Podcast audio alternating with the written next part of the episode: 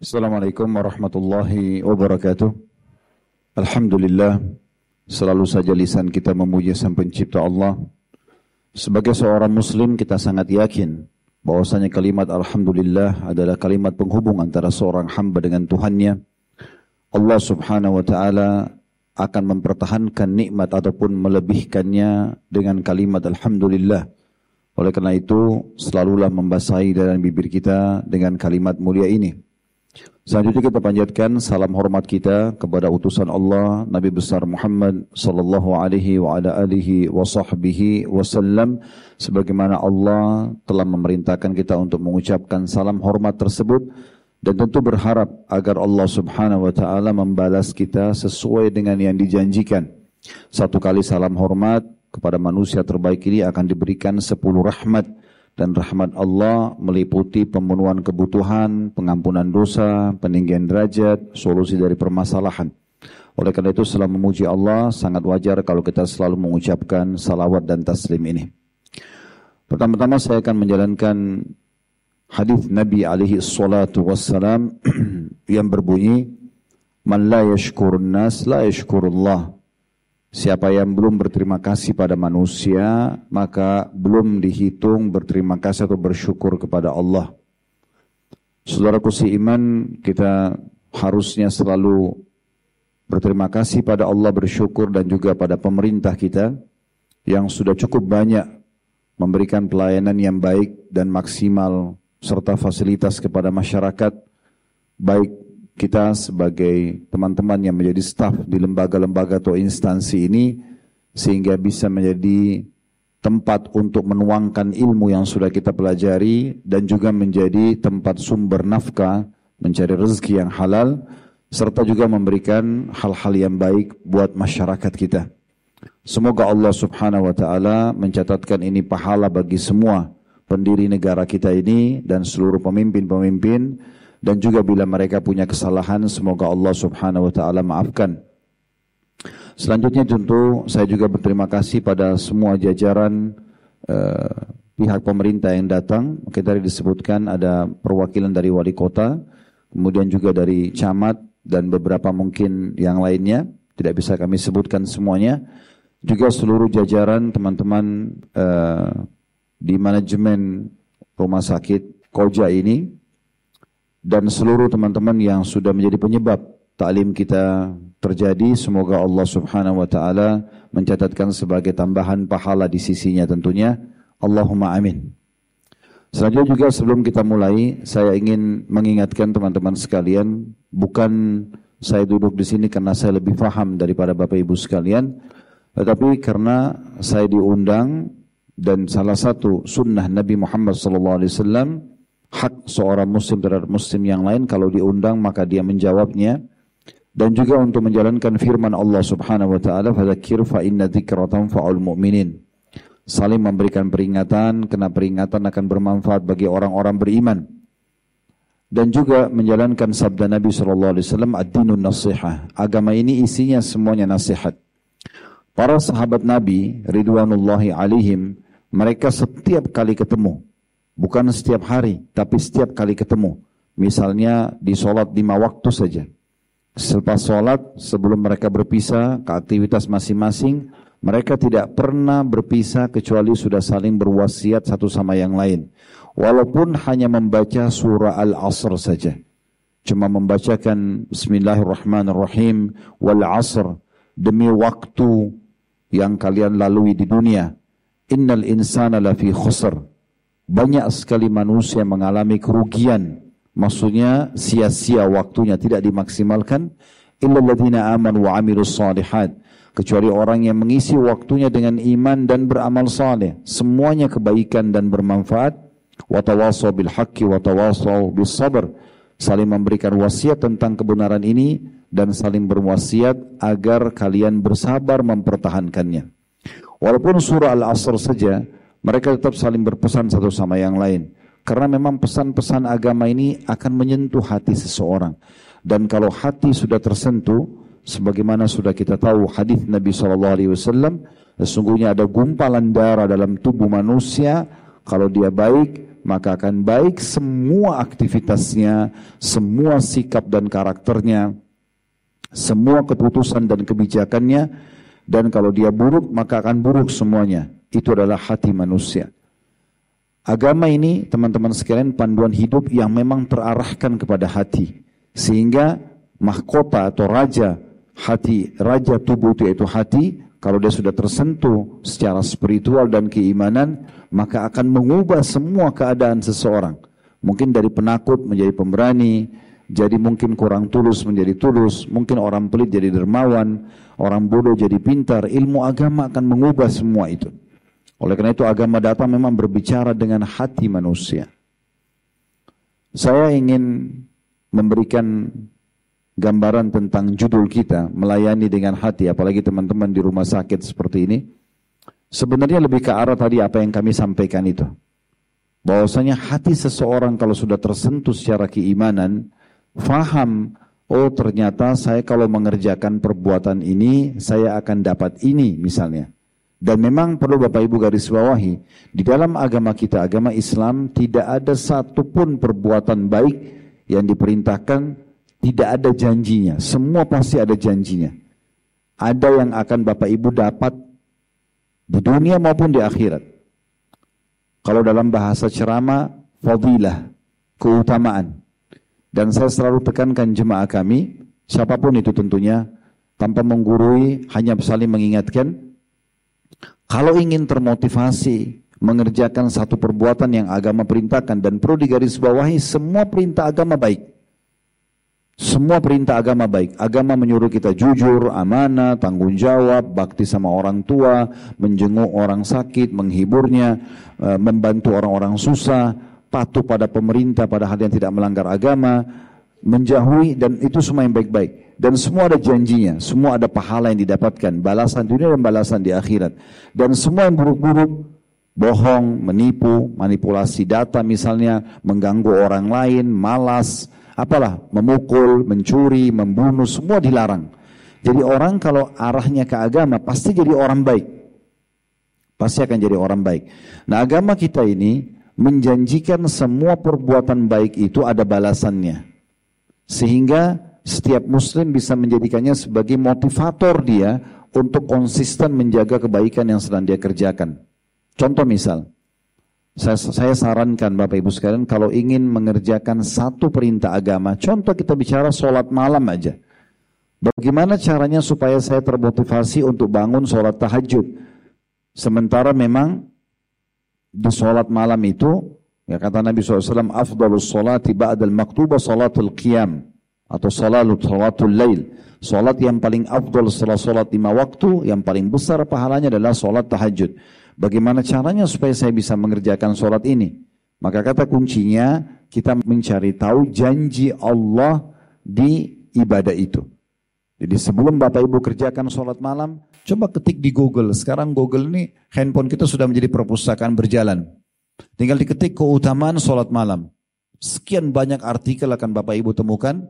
Kalau di YouTube, di Instagram, di TikTok sekarang kalau mau cari ceramah tentang keutamaan sholat malam walaupun cuplikannya hanya 7 menit, 10 menit misalnya, kita akan temukan banyak sekali. Semua isinya motivasi. Oh sholat malam itu akan dapat ini, akan dapat itu. Misal di antara hadis kalau tertinggal sepertiga malam, Allah Azza wa Jal, Allah Sang Raja dan pemilik alam semesta ini turun ke langit bumi. Kemudian menanyakan kepada para malaikat, adakah hamba-hambaku yang memohon kepadaku? Aku penuhi. Ada enggak yang punya hajat? Ya, Aku berikan. Ada enggak yang minta tolong aku bantu? Ada enggak yang memohon maaf aku maafkan atau beristighfar, bertobat aku maafkan? Artinya setiap malam kita punya peluang untuk mendapatkan kalau kita bangun sholat malam doa kita diijabah. Penyakit bisa sembuh, urusan-urusan kita bisa termudahkan, keinginan kita semua bisa terpenuhi. Nah dengan adanya motivasi seperti ini kita akan bisa konsisten selalu setiap malam ingin menjaganya. Bapak Ibu ingin rajin supaya bersedekah, baca keutamaan sedekah. Bapak Ibu rajin mau haji dan umroh, baca keutamaan haji dan umroh. Termasuk misalnya teman-teman bekerja begini. Bagaimana caranya supaya saya ini bisa melayani dengan hati seperti judul kita misalnya. Supaya saya selalu bisa komitmen datang on time, tidak melanggar peraturan di rumah sakit. Saya misalnya pada saat melayani, berinteraksi sama teman-teman, sesama bagian manajemen atau administratif, saya bisa tetap bermain, bermuamalah atau berinteraksi dengan baik. Saya pada saat melayani eh, pasien, ya, mau pasien itu berbayar atau mungkin orang tidak mampu, ya, misalnya mengikuti asuransi, bagaimana caranya supaya saya bisa melayani mereka dengan baik? Bapak Ibu perlu tahu saya dapat apa, Ya, bukan secara gaji, mungkin gaji Anda sudah tahu Anda akan terima gaji di akhir bulan. Bonus akan Anda dapatkan kalau ada lembur. Tapi kita bicara secara keimanan yang bisa menyentuh hati kita. Ternyata terlalu banyak yang Bapak Ibu bisa dapatkan dalam melayani orang lain. Terlalu banyak, bukan cuma ada, tapi terlalu banyak. Yang akan Bapak Ibu dengarkan sendiri yang saya akan sampaikan nanti. Banyak sekali motivasi dari Nabi SAW yang didapatkan pada saat kita melayani orang dengan baik. Sebelum saya baca sekian banyak hadis-hadis Nabi SAW yang bisa memotivasi kita agar rajin mengerjakan sebuah perbuatan, perlu juga saya titip beratkan, kalau Bapak Ibu ingin meninggalkan satu kebiasaan buruk atau perbuatan dosa, misalnya sering tidak on time masuk sehingga melanggar akadnya, atau misalnya berbuat pintu dosa, masih berbohong, masih menipu, masih terfikir untuk melakukan perbuatan zina dan yang sejenisnya misalnya, bagaimana caranya untuk saya tinggalkan? Maka baca ancamannya. Tinggal ketik di Google, oh kalau riba, zina itu ancaman riba, ancaman zina, ancaman bohong, ancaman manipulasi. Kalau di Google akan keluar artikel cukup banyak dengan dalil-dalilnya. Kalau di YouTube, di Instagram, mungkin di Facebook, di Telegram sekarang, di uh, TikTok, misalnya ataupun media yang ada sekarang, maka akan keluar cuplikan-cuplikan ceramah yang akan membuat nanti berkomunikasi dengan hati kita, kita tidak akan melakukan lagi perbuatan tersebut. Juga sebelum kita mulai, ada saya berikan contoh dalam judul kita ini. Kenapa judulnya melayani dengan hati? Karena memang teman-teman kalau kita melakukan dengan hati, dengan tulus, ya, ini akan mendatangkan maksimal pahala yang akan kita dapatkan dari Allah dan juga maksimal efek kepada orang yang sedang kita layani. Saya kasih contoh misalnya, dua, dua orang ibu sedang masak nasi goreng misalnya. Bumbunya sama, jenis berasnya sama, wajan yang dipakai sama, minyak gorengnya sama, ya. Kemudian lauk pauknya sama. Tapi ibu A masak buat nasi goreng dengan tulus, dia dengan ingin memang memberikan yang terbaik buat suaminya misalnya atau buat anaknya atau untuk orang tuanya kalau dia belum berumah tangga misal. Dan yang satu lagi tidak sambil marah, sambil jengkel, tidak tulus dalam masalah ini. Kita akan temukan walaupun bumbu yang sama, menu yang sama, yang ikhlas ini akan jauh lebih enak dirasa ya. Karena memang keikhlasan itu berpengaruh pada efek itu. Nah ini kurang lebih gambarannya. Baik kita akan masuk teman-teman sekalian ke bahasan kita. Semoga Allah berkahi majelis kita dan semoga Allah ikhlaskan niat. Ya, semoga ini juga Bapak Ibu sekalian menjadi penyebab ya, kita menambah timbangan amal kita pada hari kiamat ya. Karena duduk seperti ini di majelis ilmu itu besar sekali keutamaannya. Kata Nabi SAW, siapa yang keluar menuntut ilmu, maka dia seperti jihad di jalan Allah. Pahalanya besar. Juga dalam hadis yang lain siapa yang keluar dari rumahnya menuju majelis ilmu, dia ikhlas karena Allah akan diberikan pahala haji lengkap. Pahala haji lengkap, hanya duduk mendengarkan saja. Oh ternyata Allah berfirman begini, oh ternyata Rasulullah SAW sampaikan begini, oh ternyata ini motivasinya, oh ternyata ini larangannya. Maka itu sudah cukup untuk mendatangkan banyak sekali keutamaan-keutamaan. Baik, teman-teman sekalian, karena Anda semua di rumah sakit, Bagaimana caranya supaya saya bisa melayani dengan hati? Saya bisa selalu semangat dan konsisten dengan semangat itu. Selalu saja semangat yang sama bahkan kalau perlu lebih baik dari sebelumnya. Saya katakan tadi, coba cari tahu Bapak Ibu akan dapat apa dari Sang Pencipta Allah kalau kita melakukan kebaikan-kebaikan tadi. Yang pertama saya ingin sampaikan hadis Nabi SAW. Hadis ini diriwayatkan oleh At-Tabarani dalam Mu'jam Al-Kabir di mana Nabi SAW bersabda ahabbun nasi ilallahi ta'ala anfa'uhum linnas. Ketahuilah manusia yang paling dicintai oleh Allah maknanya dicintai paling besar pahalanya paling dimudahkan urusannya diberkahi kehidupannya itu maknanya orang yang paling Allah cintai Sekali lagi paling besar pahalanya, paling dimudahkan urusannya, ya diijabah doanya, semua itu masuk dalam orang yang paling Allah cintai adalah orang yang paling bermanfaat bagi orang yang lain. Di sini motivasinya untuk seorang muslim agar menjadi orang yang bermanfaat bagi orang lain, bukan muslim saja. Jadi siapa saja, orang muslim, orang non muslim, orang kaya atau orang miskin, semua sama. Selama Bapak Ibu melayani dengan baik, maka akan menjadi orang yang paling Allah cintai. Sekali lagi, Allah cintai berarti akan dipenuhi hajatnya, diijabah doanya, akan disembuhkan penyakitnya, dipenuhi hajatnya. Itu semua masuk dalam makna Allah cintai. Wa habbul amal Lanjutan hadisnya, wa ahabbul amal ila Allah taala sururun tudkhiluhu ala muslim. Dan ketahuilah perbuatan yang paling Allah cintai artinya dari semua manfaat yang bisa kita berikan kepada orang lain yang paling besar pahalanya yang paling cepat mendatangkan rahmat, diijabahnya doa, disembuhkan penyakit, diangkat derajat, dipenuh, diberikan solusi dari permasalahan adalah rasa gembira yang engkau masukkan ke dalam hati seorang muslim. Nah teman-teman, jadikan ini sebagai motivasi, motivator terbesar nih. Ternyata saya pada saat melayani, ya kalau karena kita di rumah sakit, pasien misalnya, mungkin kalau pedagang, ya pengusaha, eh, konsumen misalnya. Jadi pemerintah misalnya masyarakat, pada saat kita memasukkan rasa gembira ke dalam hati mereka, misalnya dengan kita melayani dengan tutur kata yang santun, kita memberikan edukasi eh, sampai mereka faham apa yang mereka inginkan, kita memenuhi step by step ya hajat-hajat mereka sampai akhirnya mereka misalnya kalau pasien sembuh ya kalau konsumen mungkin sampai mendapatkan produk yang diinginkan kalau masyarakat mungkin sampai mendapatkan apa yang mereka perlukan dari pihak pemerintah semampu semampu kita tentunya maka ini adalah memasukkan kegembiraan dalam hatinya. Ini perbuatan yang luar biasa. Banyak orang pikir ah saya kalau melayani sesuai dengan SOP saja saya senyum karena itu perintah dari atasan ini keliru. Jangan niatnya seperti itu. Niatnya mulai sekarang bukan karena SOP kantor atau rumah sakit. Bukan karena perintah atasan. Bukan karena ada atasan yang melihat.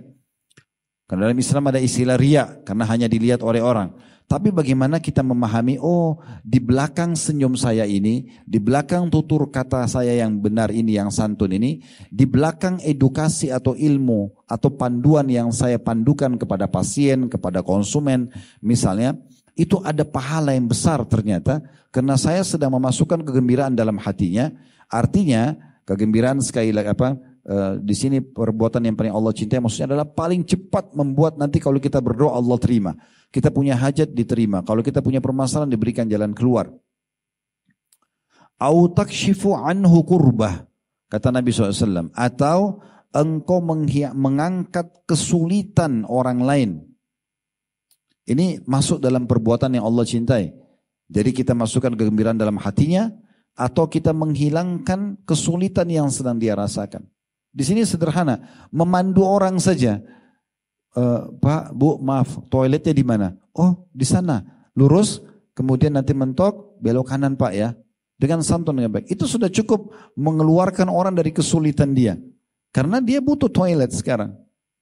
Oh, di sana kasirnya, oh di sini eh, praktek dokter itu. Apa yang bisa kami bantu? Tapi ingat, ini bukan SOP perusahaan saja. Ini bukan SOP rumah sakit saja. Tapi saya sedang sebagai seorang muslim berbicara dengan keimanan saya. Bagaimana saya bisa meraih pahala dari orang ini. Targetkan teman-teman sekalian semua orang di depan mata kita adalah sumber pahala saya. Kalau dia benar, kita dukung. Kalau dia salah, kita ingatkan. Seperti itu. Kalau dia belum tahu, kita ajarkan maka mereka menjadi sumber pahala kita. Jangan sampai ada orang melakukan satu kesalahan, langsung kita benci orang tersebut. Keliru. Mungkin orang itu belum tahu. Maka ini masuk dalam takshifu anhu kurba. Engkau menghilangkan kesulitan yang ada padanya.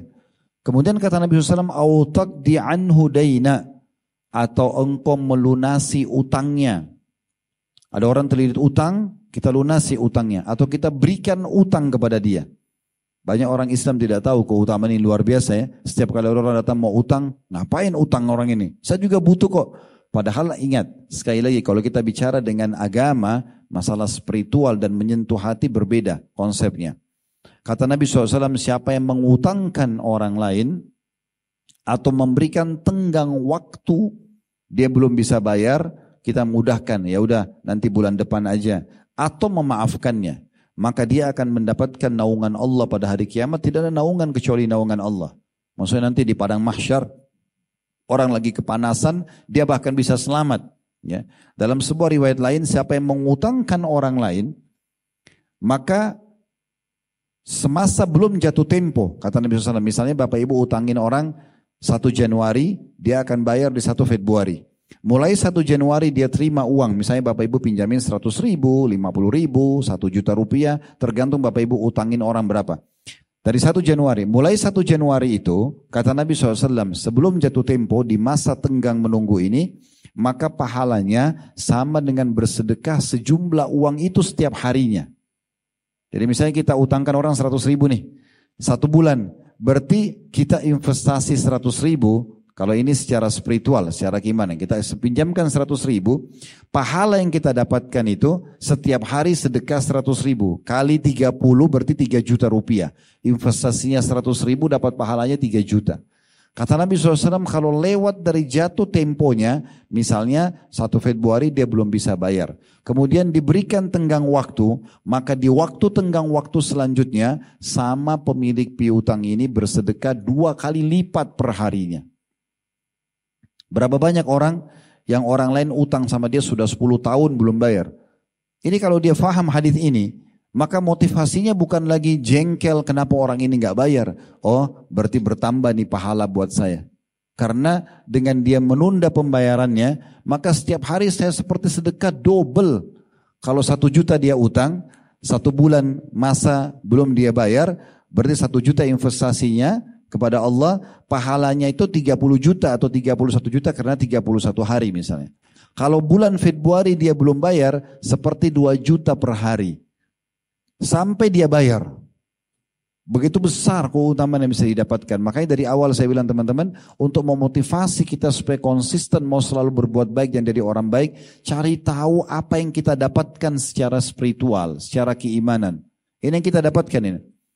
Ya, jadi saya ulangi kata Nabi SAW adalah manusia yang paling bermanfaat di sisi Allah, manusia paling Allah cintai ya adalah manusia yang paling bermanfaat bagi orang lain, muslim atau non muslim. Kemudian mengerucut nih, dan perbuatan amal yang paling Allah cintai, paling besar pahalanya, paling memudahkan urusan, paling memberikan solusi dari permasalahan, memudahkan diijabah doa adalah kegembiraan yang kau masukkan dalam hati seorang muslim atau engkau hilangkan kesulitan yang sedang terbebani padanya atau engkau melunasi utangnya. Kemudian beliau mengatakan lanjutannya autatruda anhu ju'an atau engkau menghilangkan rasa laparnya. Orang lagi lapar atau kita kalau mau makan berbagi, ya berbagi. Ini saya kadang-kadang heran ada orang, ada sebagian orang, mudah-mudahan di sini tidak ada. Mereka hanya suka ditraktir tapi tidak pernah mau traktir orang lain. Ya. Banyak. Saya tidak tanya. Jadi ibu-ibu nggak usah jawab. Gitu kan. Coba teman-teman sekalian dalam sebuah hadis ya jadi ternyata menghilangkan rasa lapar orang, memberikan makan kepada dia, apakah kita berikan makan utuh atau ada makanan bekal kita punya, kita bagi dengan dia, itu adalah perbuatan yang besar sekali pahalanya. Pernah ada seorang sahabat dalam hadis muslim bertanya begini, Ya Rasulullah, ayu islamin khair? Perbuatan apa dalam Islam yang paling baik, paling besar pahalanya? Kata Nabi SAW, tut'imut ta'am. Engkau memberikan makan kepada orang lain. Nah pemberian makan ini rincian ulama begini. Bisa orang lagi lapar kita kasih makanan. Atau orang tidak lapar kita berbagi makanan. Kayak misalnya eh, kita bermasak lebihkan kasih ke tetangga. Atau memang dasarnya orang ini sebenarnya ya tidak kita kenal. Kemudian kita hanya sekedar melayani. Kayak misalnya teman-teman melayani pasien, membawakan makanan. Bukan Anda yang masak, uh, sudah ada bagian di rumah sakit yang masaknya. Tapi kita cuma melayani, cuma mengantarkan makanan. Dan dengan itu dia mendapatkan hak dia atau laparnya terhilangkan. Ini semua pahala. Jadi semua ini akan ada nilai pahalanya. Jadi menghilangkan rasa lapar itu pahalanya besar di sisi Allah. Kemudian kata Nabi SAW, walain amshi ma akhi fi hajatin ahabbu ilayya min an min an a'takifa fi hadzal masjid yakni masjid Madinah syahra. Kata Nabi Muhammad SAW, ini bukan perkataan saya, renungi baik-baik. Kata Nabi SAW, dan ketahuilah, beliau menginformasikan kepada kita semua umatnya, dan siang ini Bapak Ibu dengarkan penyampaian beliau. Walaupun beliau sudah meninggal, hanya melalui lisan kami saja. Kata Nabi SAW, dan ketahuilah, kalau aku pribadi, ya, jalan menemani satu saudaraku muslim untuk memenuhi hajatnya, Hajat apa saja? Minta diantarin ke satu alamat, minta mau belanja sesuatu, minta dipandu ke satu titik, misalnya kayak di rumah sakit ini, di mana apotiknya, di mana uh, uh, tempat praktek dokter yang ini, misalnya cuma dipandu saja. Kata Nabi SAW, aku jalan dengan satu saudaraku untuk memenuhi satu hajatnya, lebih aku cintai, ya, artinya akan lebih besar pahalanya dibandingkan atau aku beriktikaf Itikaf itu berarti mengikat diri seperti 10 terakhir Ramadan biasa kita itikaf di masjid ya. Dari pagi sampai pagi lagi menginap. Sehari, dua hari itu namanya itikaf. Maka kata Nabi SAW, aku jalan memenuhi hajat satu saudaraku dan satu hajat saja. Itu lebih aku cintai daripada aku itikaf di masjidku ini, di Masjid Nabawi di Madinah, satu bulan. Apa maksudnya? Memenuhi satu hajat, hanya tunjukin di situ apotiknya Bapak Ibu sekalian. Di sini silakan tunggu sebentar begini dan begitu. Misal di rumah sakit Anda lakukan itu, itu lebih baik daripada iktikaf satu bulan. Iktikaf itu apa? Kita dapat pahala sholat lima waktu. Kita dapat pahala zikir. Kita dapat doa mustajab antara azan dan iqamah. Ya. Banyak sekali pahala iktikaf. Tapi memenuhi hajat satu orang, itu udah cukup lebih baik daripada iktikaf satu bulan. Itu kata Nabi SAW. Makanya seorang tabi'in bernama Hasan Basri rahimahullah. Beliau pernah mengutus ya, muridnya untuk membantu orang lain yang dalam kesulitan. Dan beliau mengatakan pada murid-muridnya, coba datangi Thabit Al-Banani. Ya. Ini salah satu muridnya juga dan sahabat beliau. Kebetulan lagi itikaf di masjid, gitu kan. Coba hampiri Thabit Al-Banani supaya ikut sama kalian untuk menolong saudara kita yang sedang dalam kesulitan itu. Maka ketika Sabit didatangi, Sabit mengatakan, ini 10 terakhir Ramadan, dia lagi itikaf di masjid, mengejar Lailatul Qadar. Sabit lagi menunggu. Maka pada saat itu, dia mengatakan, maaf aku sedang itikaf. Lalu murid-murid Hasan Basri kembali lagi mengatakan, wahai imam, wahai kita kiai ya, ya. bahwasanya Sabit Al-Banani menjawab dia sedang itikaf. Seakan-akan pahala itikaf lebih besar daripada memenuhi hajat seseorang. Ya. Maka Hasan Basri mengatakan, apakah engkau belum mengetahui bahwasanya menolong seseorang dalam memenuhi hajatnya lebih baik daripada haji kepada haji yang lain? Ibadah haji aja itu masih bisa dikalahkan pahalanya dengan melayani orang lain. Itu, ya. Asal dengan tulus nih. Maka setelah mendengar perkataan Hasan Basri, Thabit Al-Banani tiba-tiba berdiri dari masjid kemudian keluar dan memenuhi hajat saudaranya lalu dia kembali etikaf lagi. Jadi ini luar biasa ya. Motivasi-motivasi yang luar biasa. Dan kalau Bapak Ibu memenuhi hajat seseorang, melayani dengan baik, maka pastikan efeknya akan sama. Allah akan berikan juga pelayanan baik buat Anda. Mungkin di tempat kerja yang sama atau di rumah tangga kita atau dengan tetangga kita atau dengan kerabat kita. Intinya al jaza min jinsil amal. Sebuah perbuatan yang kita kerjakan akan mendatangkan efek perbuatan yang sama. Bapak Ibu senyum dengan orang, orang kan senyum. Kita ramah dengan orang, orang kan ramah. Kita dermawan, orang akan dermawan. Kan begitu efeknya. Nah seperti itu. Hari ini Bapak Ibu melayani pasien dengan tulus dengan baik. Satu waktu Bapak Ibu sakit akan terlayani dengan baik. Itu pasti. Sebuah jaminan yang pasti akan terjadi. Hari ini Bapak Ibu kerjanya gosipin orang, ganggu orang lain. Bapak Ibu juga akan diganggu satu waktu. Emang sudah begitu. Dan jangan heran, kok saya digosipin? Karena kita juga kerjanya gosipin orang.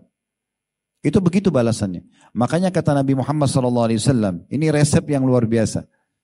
Berbaktilah Kata beliau, berbaktilah dengan kedua orang tua kalian, Allah akan karuniai kalian anak-anak yang berbakti dengan kalian.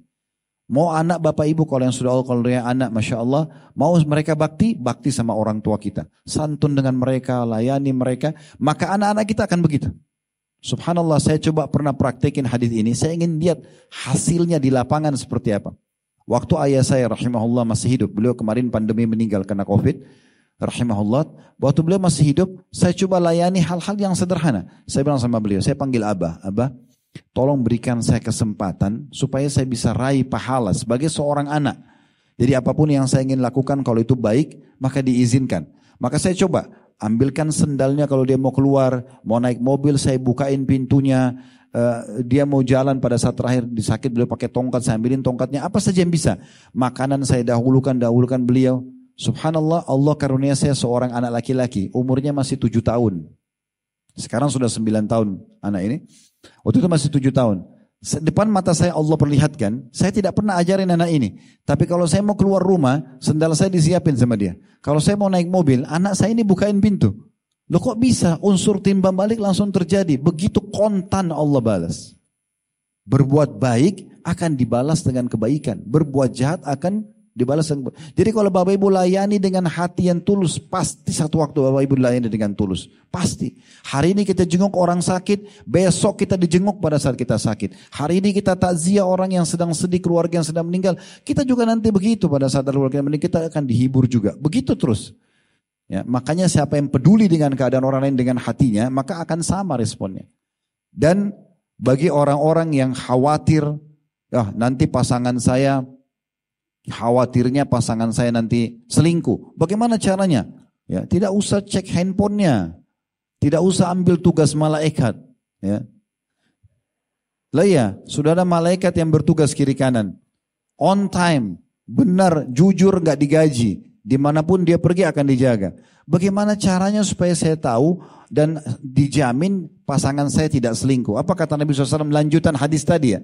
Karena Nabi bilang, berbaktilah dengan kedua orang tua kalian, Allah akan berikan kalian anak-anak bakti dengan kalian. Kemudian lanjutan hadisnya, jagalah kesucian kemaluan kalian. Kamu sendiri jangan selingkuh. Allah akan jaga kesucian kemaluan pasangan kalian. Itu kuncinya. Gak usah repot-repot. Kita jaga hubungan kita baik sama Allah, Allah akan jaga. Kita baik akan baik. Begitu poinnya. Sederhananya begitu. Nah itu yang dimaksud dalam hadis tadi.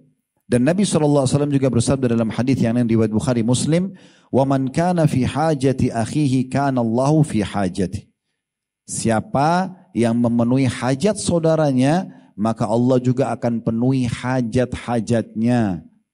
Diundang datang, minta tolong dibantu. Lakukan dengan tulus teman-teman sekalian. Ya. Gaji itu jadikan nomor ke-30 kalau perlu. Sekarang bagaimana saya bisa meraih pahala ini? Subhanallah ulama mengatakan begini. Siapa yang kejar akhirat dunianya akan ikut.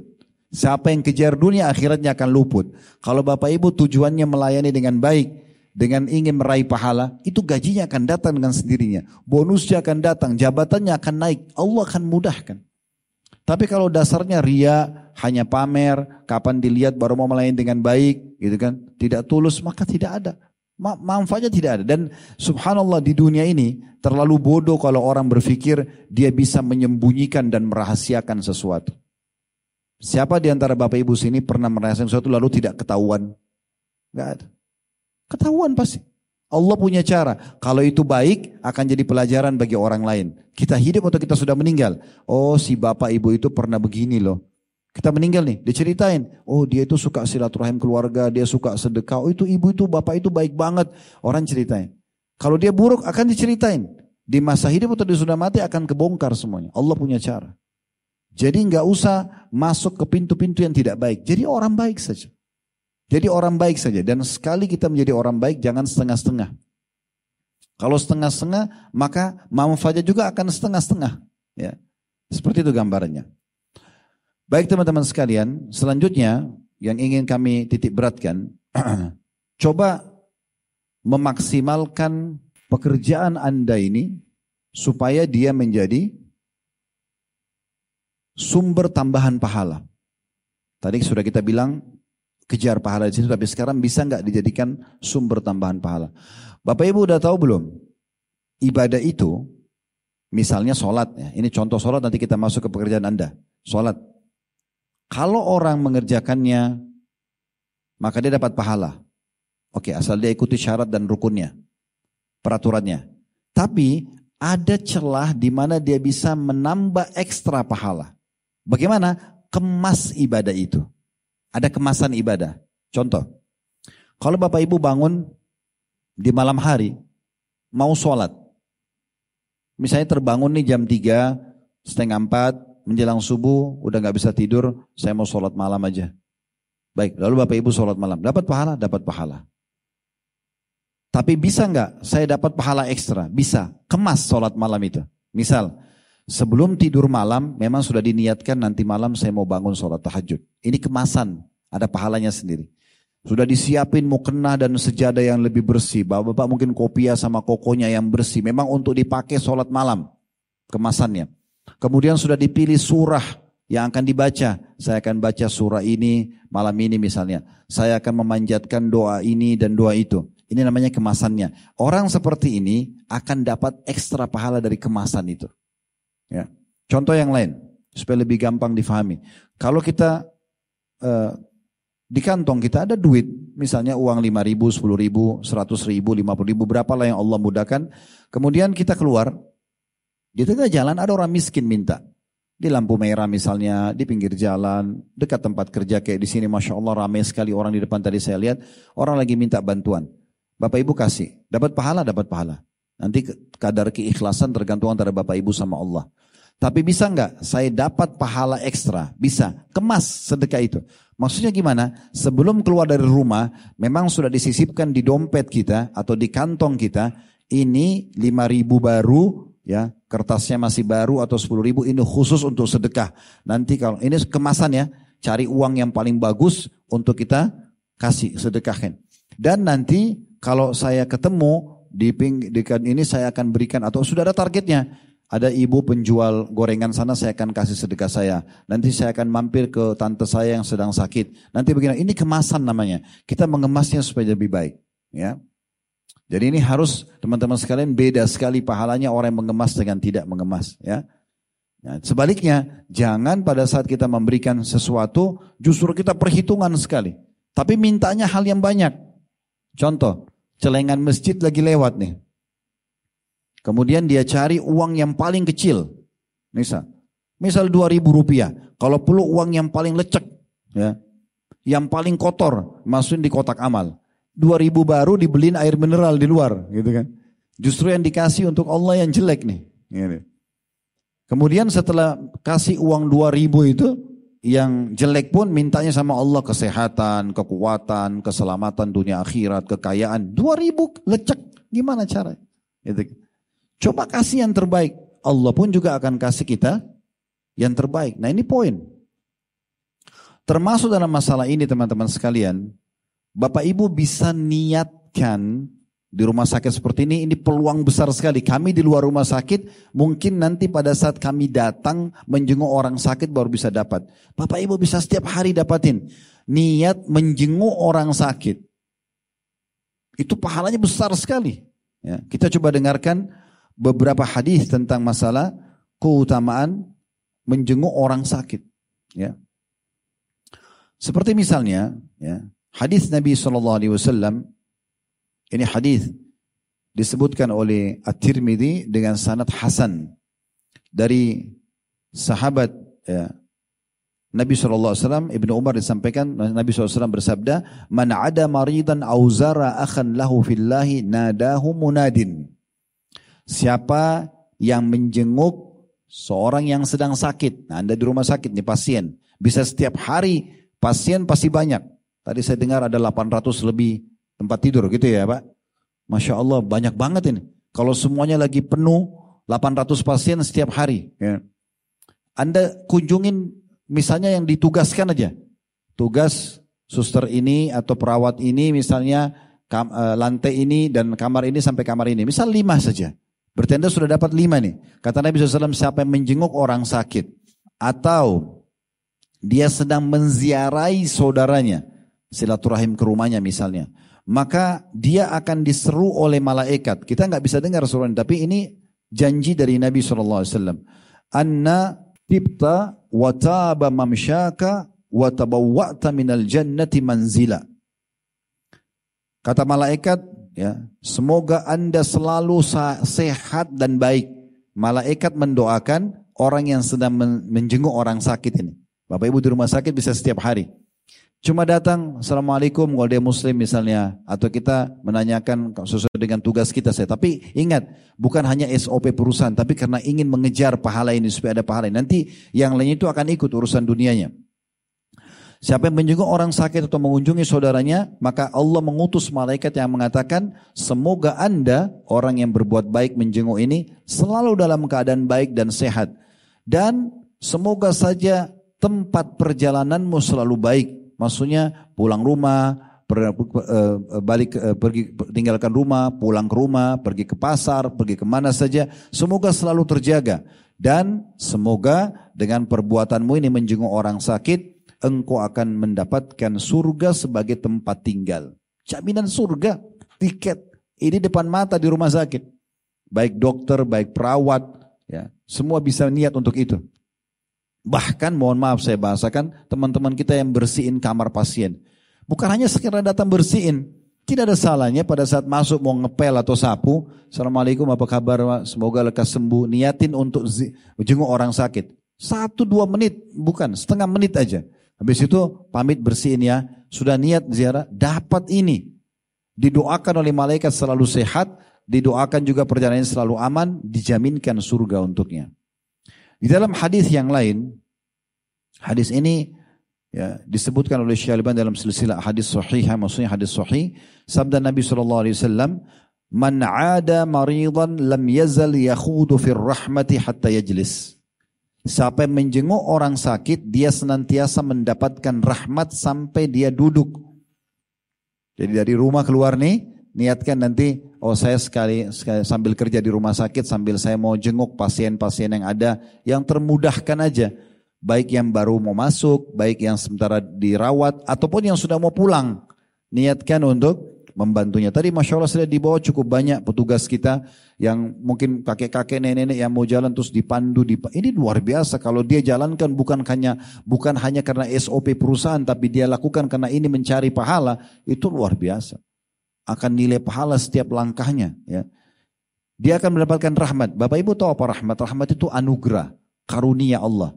Dia bisa memanjangkan umur, dia bisa mendatangkan diijabahnya doa, dia bisa diampuni dosanya, bisa mendapatkan derajat yang tinggi. Itu semua rahmat maksudnya. Jadi kata Nabi SAW, siapa yang menjenguk orang sakit, maka dia akan senantiasa mendapatkan rahmat sampai dia duduk. Kemudian dikatakan faida jalasa igtamasa fiha. Kalau dia duduk betul-betul mau menziarahi atau menjenguk orang sakit itu, maka dia akan masuk ke dalam rahmat itu. Dia akan masuk ke dalam rahmat itu. Hadis selanjutnya ini hadis yang luar biasa. Kalau saya pribadi selalu saya jadikan hadis ini motivator terbesar saya untuk selalu menjenguk orang sakit. Ya. Hadis ini coba renungi baik-baik. Kata Nabi SAW dan hadis ini Hadis yang sahih riwayat Tirmidzi. Kata beliau, "Ma min muslimin ya'udu musliman gudwatan illa salla alaihi sab'una alfa malakin hatta yumsi." Tidak ada seorang muslim yang menjenguk muslim yang lain yang sedang sakit, ya. Ini yang sedang sakit di pagi hari. Dia jenguk orang yang sakit di pagi hari. Melainkan Allah akan datangkan 70 ribu malaikat. Ini hadis sahih. Bukan satu dua, 70 ribu malaikat yang mendoakan dia sampai sore. Jadi kalau Bapak Ibu datang ke ruangan kamar seorang pasien yang sakit, cuma tanya apa kabar, semoga lekas sembuh, apa yang bisa dibantu. Misal contoh, niat jenguk. Atau mungkin kerabat kita yang sedang sakit kita datang jenguk, atau tetangga kita misalnya. Hitungan detik, Gak usah bicara satu menit, setengah menit aja. Pagi hari, Bapak Ibu sudah keluar dari ruangan itu, maka Allah datangkan 70 ribu malaikat yang mendoakan kita kebaikan sampai sore. Cuma jenguknya cuma setengah menit. Dan kata Nabi SAW, wa in adahu ashiyatan illa salla alaihi sab'una alfa malakin hatta yusbih.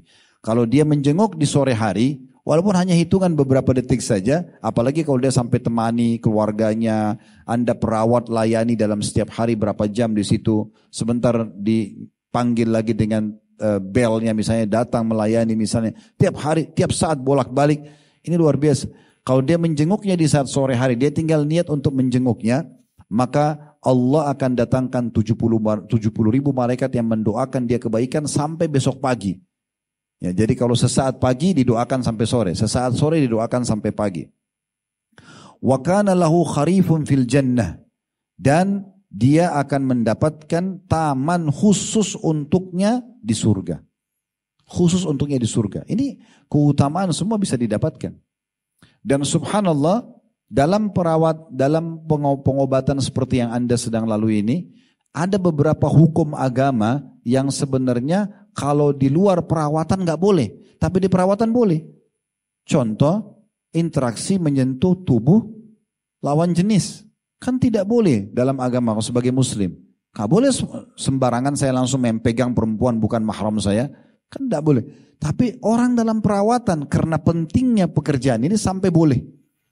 Saat bin Mu'ad radhiyallahu anhu waktu kena panah di perang eh, Khandak atau di perang Ahzab dada beliau berdarah, itu yang merawat beliau seorang wanita di Madinah yang datang untuk mengobati lah ya. Kalau kita mungkin sekarang khusus merawat dia dalam setiap hari datang di kema yang di, di, diizinkan oleh Nabi SAW di masjid beliau misalnya. Ya.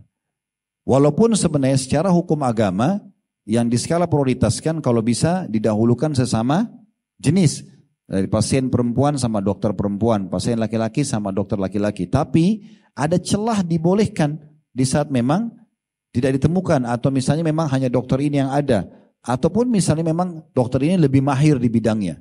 Begitu juga dengan perawat, tidak ada masalah. Karena itu adalah hal yang dibolehkan saking pentingnya kedudukan ini tentunya. Dan pernah Nabi SAW atau sering kali beliau mengunjungi seorang wanita, menjenguk seorang wanita bernama Ummu Aiman radhiyallahu anha. Setiap kali sakit dijenguk, ya. Kemudian pada saat Eh, Nabi SAW meninggal, Abu Bakar sama Umar sepakat nih. Kita ayo jalankan yuk sunnah Nabi. Nabi kan suka jenguk ini Ummu Aiman di saat hidupnya. Coba kita jenguk juga. Maka mereka menjenguk wanita padahal wanita ini bukan mahram mereka. Tapi menjenguk orang sakit dibolehkan. Gitu kan? Yang penting di sini batasannya kata ulama jangan sampai terjadi fitnah. Jangan memang niatnya untuk melakukan kemaksiatan. Kalau dia niatnya untuk menjenguk tidak ada masalah. Ya, tidak ada masalah. Begitu juga dengan menjenguk orang bu, orang kafir. Bagaimana saya sebagai muslim, rumah sakit ini ada pasien, boleh. Dapat gak keutamaan dengan kita niat jenguk itu? Dapat pahalanya. Dalam hadis Bukhari, Nabi Muhammad SAW pernah menjenguk seorang anak muda Yahudi. Lagi sakit keras. Tapi anak muda ini memang kadang-kadang datang untuk melayani Nabi SAW. Maka waktu dia sakit, Nabi SAW datang. Dan dia lagi sakit keras anak ini. Lalu Nabi SAW bisikkan kepada anak itu, masuk Islam lah wahai anak muda. Ucapkan syahadat. Maka anak muda itu melihat matanya ke arah ayahnya. Ayahnya ada di sebelah ranjang. Maka kata ayahnya, Ati Abal Qasim. Ikuti ayahnya Qasim. Maksudnya Nabi Muhammad SAW. Maka anak muda Yahudi itu syahadat. Di ranjang kematiannya. Setelah itu, tiba-tiba saja Nabi SAW waktu izin keluar, Eh, keluarganya menangis karena meninggal anak muda Yahudi itu. Maka kata Nabi SAW, Alhamdulillah dari anjahu minan nar. Segala puji bagi Allah yang telah menyelamatkan dia dari api neraka dengan ya syahadat tadi. Tapi yang kita lihat di sini hukumnya adalah ternyata boleh kita menjenguk orang-orang non muslim. Apalagi kalau punya hubungan kerabat dengan kita. Ingat teman-teman sekalian, Islam tidak pernah menyuruh kita memutus silaturahim karena mereka misalnya kerabat kita orang non-muslim. Atau kita tidak boleh bertetangga dengan non-muslim. Atau tidak boleh partner bisnis. Enggak, Islam membolehkan semua pintu toleransi terbuka kecuali satu saja.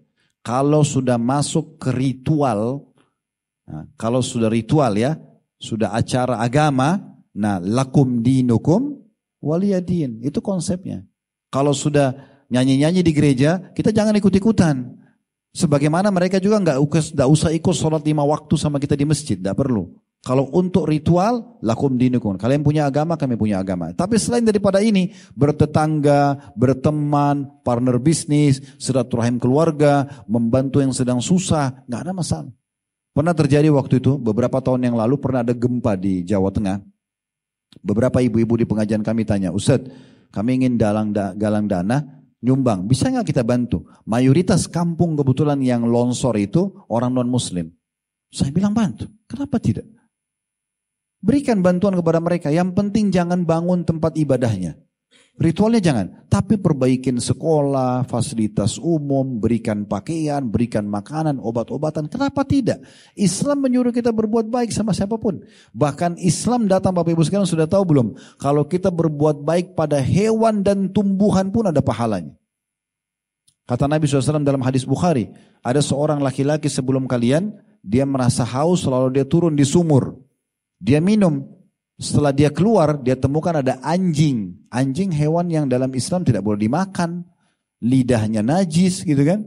Tapi apa yang terjadi? Kata Nabi SAW, dia lihat anjing ini karena haus mengulurkan lidahnya sampai ke tanah. Maka anak laki-laki ini bilang, sepertinya anjing ini menimpa tertimpa haus dahaga seperti saya tadi. Maka dia copot satu sepatunya kata Nabi SAW dia turun di sumur sepatunya diisi dengan air lalu dia gigit dengan giginya lalu dia manjat kembali keluar dari sumur itu. Lalu dia berikan minum air tersebut. Apa kata Nabi SAW karena perbuatannya itu Allah maafkan dia dan Allah masukkan ke dalam surga Berbuat baik pada hewan pun pahala. Sampai sahabat mengatakan, Ya Rasulullah, apakah pada hewan-hewan kami dapat pahala? Kata Nabi SAW, Fikuli kabidin rotabatin ajir. Di setiap uh, apa namanya jantung yang basah, yang bernyawa, ada pahala. Apalagi manusia. Gitu kan? Pohon-pohon. Kata Nabi SAW, tidak ada seseorang muslim menanam sebuah pohon. Kemudian mengambil manfaat dari pohon itu. Misalnya bernaung di bawahnya. Mengambil manfaat dari daunnya, buahnya, dahannya misalnya. Dari manusia, jin, hewan-hewan. Kecuali akan jadi pahala bagi yang menanamnya. Begitu besarnya pahala yang bisa didapatkan dalam Islam. Gitu kan? Semua bisa menjadi sumber pahala. Maka ini yang harus diketahui teman-teman sekalian ya. Kemudian saya tutup mungkin ini bahasan kita. Kalau ada yang mau bertanya setelah ini silahkan. Tidak ada salahnya Anda pada saat menjenguk orang sakit atau melayani orang sakit selain ya selain Anda niatkan tadi ingin mencari pahala dari situ ya ingin cari pahala dari situ dan mendapatkan keutamaan menjenguk orang sakit. Jadi sambil bekerja sambil mengejar pahala itu anda juga menjalankan sunnah Nabi SAW dengan mendoakan pasien agar sembuh. Termasuk sunnah Nabi SAW dalam hadis Bukhari, beliau kalau menjenguk orang sakit, beliau mengatakan la ba'sa tahurun insya Allah. Ya, semoga ini tidak menjadi masalah bagi kamu dan semoga engkau segera sembuh insya Allah. Ini termasuk sunnah Nabi. Bahasa Arabnya la ba'sa tahurun insya Allah. La ba'sa tahur insyaAllah. Tidak masalah. Semoga tidak menjadi masalah penyakit ini buat kamu. Dan semoga jadi pembersihan dosa-dosamu. ya. Jadi kalau ada dosa-dosa dibersihkan. Karena memang teman-teman sekalian semua gangguan dalam hidup kita. Kata Nabi SAW tidak ada yang menimpa seorang muslim dari gangguan, penyakit, ya, e, kemudian kesedihan, kegundahan, keletihan. Bahkan duri yang menusuk tubuhnya kecuali jadi pembersihan dosa-dosanya. Jadi ini pembersihan dosa. Jadi coba doakan itu ya. Kemudian juga ini Bapak Ibu bukan cuma ke pasien, praktikin juga ke pasangan hidup, ke anak-anak di rumah. Setiap sakit bilang, la tahurun insya Allah. Semoga tidak masalah dan jadi pembersihan dosa-dosa. Walaupun anak kecil bisa kita ucapin itu. Juga ada hadis yang lain. Nabi SAW pernah mendoakan Sa'ad sambil mengatakan Allahumma shfi Sa'dan. Ya Allah sembuhkanlah Sa'ad. Ya Allah sembuhkanlah Sa'ad. Di situ perkataan Nabi SAW dalam hadis Bukhari Muslim mendoakan Sa'ad. Dan juga ada sunnah Nabi SAW. Ini hadis usahakan Bapak Ibu hafal doa ini. Cuma tiga potongan saja. Ya, hadis ini hadis yang sahih. Diriwayatkan oleh Abu Dawud, kata Nabi SAW, Man ada maridan lam yahdur ajaluhu. Siapa yang menjenguk orang sakit selama ajalnya belum datang. Ini hadis sahih kata Nabi SAW. Siapa yang menjenguk orang sakit dan memang orang yang sakit itu belum datang ajalnya. Kemudian faqala indahu sab'a mirara mirar. Kemudian dia membaca di sisi orang sakit itu tujuh kali. Doa ini diulangi tujuh kali. Ini pendek sekali. Cuma tiga potongan doa. Dia ulangi tujuh kali. As'alullahal azim. Ini potongan pertamanya. Aku memohon atas nama Allah yang maha agung As'alullah al-azim. Kemudian potongan kedua, Rabbal arshil azim. Rabbal arshil azim, pemilik singasana yang agung, ayyashfiyaka. Agar menyembuhkanmu. Tiga potongan saja. As'alullah al-azim. Aku mohon kepada Allah yang maha agung. Rabbal arshil azim. Pemilik singasana yang agung. Ayyashfiyaka. K terakhirnya itu kalau pasien laki-laki. Atau orang yang sakit laki-laki. Ya, Semoga Allah menyembuhkanmu. Kalau perempuan kita ganti akhirnya dengan ki. Ayyashfiyaki. Ini kalau dibaca tujuh kali, perhatikan apa jaminan dari Nabi SAW. Sekali lagi hadis sahih Bapak Ibu sekalian. Illa afahu Allah min dhalikal marad. Kecuali pasti Allah akan sembuhkan orang sakit itu. Dijamin Allah akan sembuhkan selama ajalnya belum meninggal. Subhanallah saya pernah punya pengalaman pribadi juga. Satu nenek kami di kota Makassar Umur beliau waktu mau meninggal seingat saya sudah hampir 90 tahun. Tapi pernah beliau sakit sudah sakit parah. Mungkin di umur 70 tahunan kalau tidak salah seingat saya. Saya waktu itu masih menganjutin S2 di kota Makassar. Di tahun 99 sampai 2001. Saya lupa di tahun apa pasnya waktu itu. Tapi saya kebetulan nenek ini tinggal di rumah kakak kandung saya. Beliau sudah tidak bisa ngomong. Udah nggak bisa apa-apa pokoknya. Makan juga sudah nggak mau. Badannya sudah sangat kurus. Kemudian kakak, kakak saya mengatakan coba lihat nih. Khawatir beliau meninggal. Memang sudah sepuh dan memang sudah lemas sekali dan segala macam.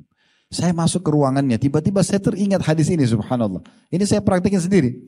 Saya duduk di dekat beliau. Saya lihat memang sudah sangat lemas. Mungkin teman-teman di rumah sakit tidak asing melihat orang kalau sudah mau datang ajalnya. Sudah lemas kelihatan. Sudah memang nggak ngomong pun sudah nggak bisa.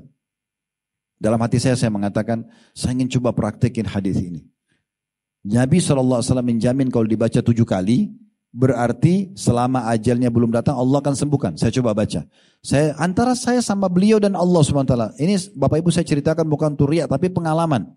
Saya coba mau praktekin hadis ini gitu. Saya de de duduk dekat kuping beliau lalu saya ucapkan ini. As'alallahal-azim, Rabbul arshil azim ayyashfiyaki.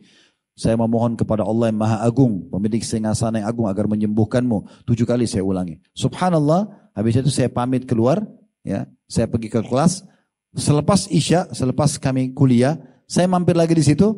Tiba-tiba nenek ini sudah duduk ke kamar mandi sendiri, jalan, mie, makan. Kata kakak saya, kamu kasih apa sih nenek ini? Kok tiba-tiba kamu keluar tiba-tiba jadi begini? Tadinya sudah nggak bisa makan, nggak bisa segala macam. Oh, saya cuma senyum saja. Tapi bagi saya dalam hati, subhanallah, yang telah membenarkan apa yang Nabi SAW sabdakan. Cuma memang teman-teman sekalian ingat ya, kalau Anda mau praktekin perintah agama ini harus diikuti dengan keyakinan. Nggak boleh ragu. Ragu itu akan menjadikan doa kita tidak diterima. Makanya kata Nabi SAW, Udu rabbakum mukinu nabil ijabah.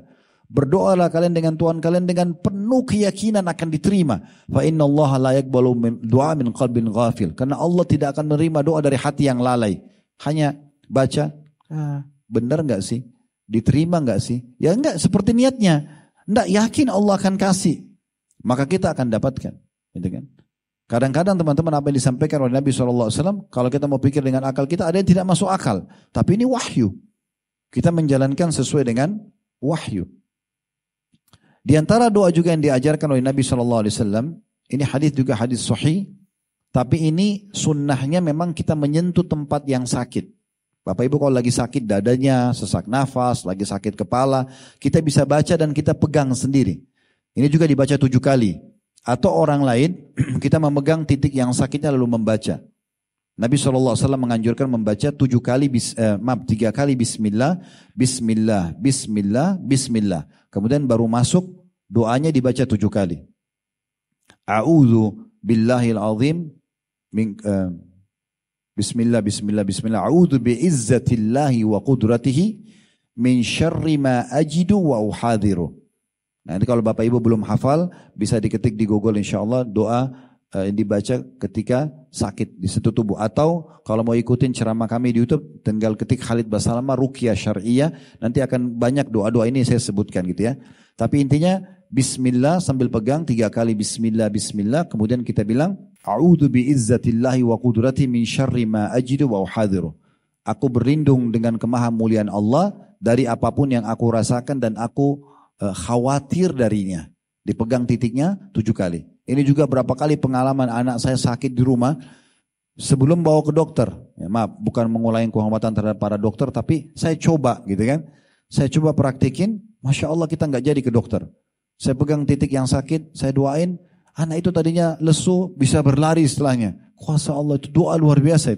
Doa itu bisa menembus benteng musuh teman-teman sekalian.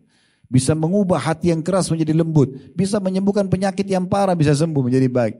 Tidak ada yang mustahil, tapi ikuti dengan keyakinan. Nah, ini dipegang titik yang sakit, kemudian ya dibaca doa ini. Kemudian yang terakhir adalah doa juga yang diajarkan Nabi SAW. Ya adhibil bas rabbun nas ishfi anta syafi la shifa illa shifa'u shifa'an la yugadiru saqama. Ini Nabi SAW biasa juga memegang titik orang yang sakit. Kemudian beliau membaca adhibil bas rabbun nas. Hilangkanlah penyakit wahai Tuhannya manusia. Hilangkanlah penyakit wahai Tuhannya manusia. Washfi anta syafi Sembuhkanlah karena hanya kamu yang memiliki kesembuhan itu. La shifa illa shifa'au. Tidak ada kesembuhan kecuali dari sisimu. Shifa'an la yugadiru soqama. Kesembuhan yang tidak meninggalkan bekas. Maksudnya supaya sembuh total. Sembuh total. Teman-teman sekalian kenapa kami tutup dengan doa-doa ini? Karena memang kita dianjurkan dalam Islam sebelum melakukan aktivitas kita harus libatkan Allah subhanahu wa ta'ala sebagai pencipta. Makanya Bapak Ibu kapan baca doa? Kalau mau keluar rumah, sebelum aktivitas ya. Sebelum keluar rumah baca doa, sebelum makan baca doa, sebelum tidur baca doa, sebelum masuk kamar mandi baca doa, sebelum biologis baca doa. Sebelum semua baca doa. Kenapa? Supaya kita libatkan dulu Allah Subhanahu wa taala sebagai pencipta, baru kita aktivitas. Baru kita aktivitas. Kalau selesai kita bersyukur. Makanya kita berdoa dulu. Lahulukan doa-doa ini. Ya, jadi ini sangat baik. Bagi teman-teman dokter juga tidak ada salahnya ya. Nah, kalau anda sebagai seorang muslim ada pasien muslim, ada cukup banyak buku kecil, buku eh, judulnya doa-doa rukia. Mungkin tidak lebih dari 10 ribu rupiah harganya buku-buku ini, kecil saya. Terbitan Pustaka Ibnu Umar, kalau anda mau cari ya, penerbitnya Pustaka Ibnu Umar, doanya doa rukia. Seingat saya buku itu sekitar 10 ribuan atau 12 ribu. Kecil sekali. Kalau anda diberikan kelebihan rezeki sekalian niat sedekah, taruh di meja praktek anda, setiap kali pasien pulang, setelah dicek penyakitnya, dikasih obat medisnya, ini bisa juga dibaca ya doa ini untuk untuk membantu kesembuhannya. Tidak ada salahnya. Ya. Sehingga akhirnya kalau kita tidak sempat membacakan, anda bisa membiarkan dia membaca. Atau mungkin Anda sambil mengecek tubuh pasien, Anda bisa membaca doa. Walaupun pasiennya tidak tahu. As'alullah al-azim tadi, Rabbal arshil azim ayashfiyaka. Tujuh kali tadi. Aku mohon kepada Allah yang maha agung, pemilik singgasana agung agar menyembuhkanmu. Tujuh kali. Kata Nabi SAW, Allah akan sembuhkan dia ya selama ajalnya belum datang. Ikut dengan keyakinan baca ini. Insya Allah ini termasuk dapat pahala di sisi Allah subhanahu wa ta'ala. Allahu alam. Baik teman-teman sekalian, di penutupan pengajian kita ini, pertama saya mohon maaf kalau memang ada penyampaian yang kurang berkenan. Uh, dan kalau ada benar pasti dari Allah, kalau ada salah dari saya. Serta juga bagi teman-teman yang bertanya, baik itu offline di sini ataupun online dari media yang belum sempat terbaca, maka harap dimaklumi karena tidak semua pertanyaan bisa dijawab. Yang penting inti bahasan kita dan pertanyaan hanya melengkapkan saja. Dan kita berdoa kepada Allah Subhanahu wa taala semoga semua yang hadir di sini baik itu offline ataupun online diterima uh, amal-amal solehnya, dimaafkan semua kesalahannya, dipenuhi semua hajat-hajatnya dunia akhirat. Kalau ada yang sakit disembuhkan penyakitnya, ada yang menghadapi permasalahan rumah tangga diselesaikan dengan baik, ada yang belum memiliki keturunan diberikan keturunan yang soleh dan soleha, dan semoga Allah Subhanahu wa taala menambahkan rezeki yang luas, keturunan yang baik dan semua diberkahi oleh Allah Subhanahu wa taala dan semoga Allah menyatukan kita semua di surga firdausnya tanpa hisab semua disatukan dalam majlis ilmu yang mulia ini. Begitu saja teman-teman sekalian. Wassalamualaikum Muhammadin. Subhanakallahumma bihamdika. Asyhadu an la ilaha illa anta astaghfiruka wa atubu ilaik. Wassalamualaikum warahmatullahi wabarakatuh.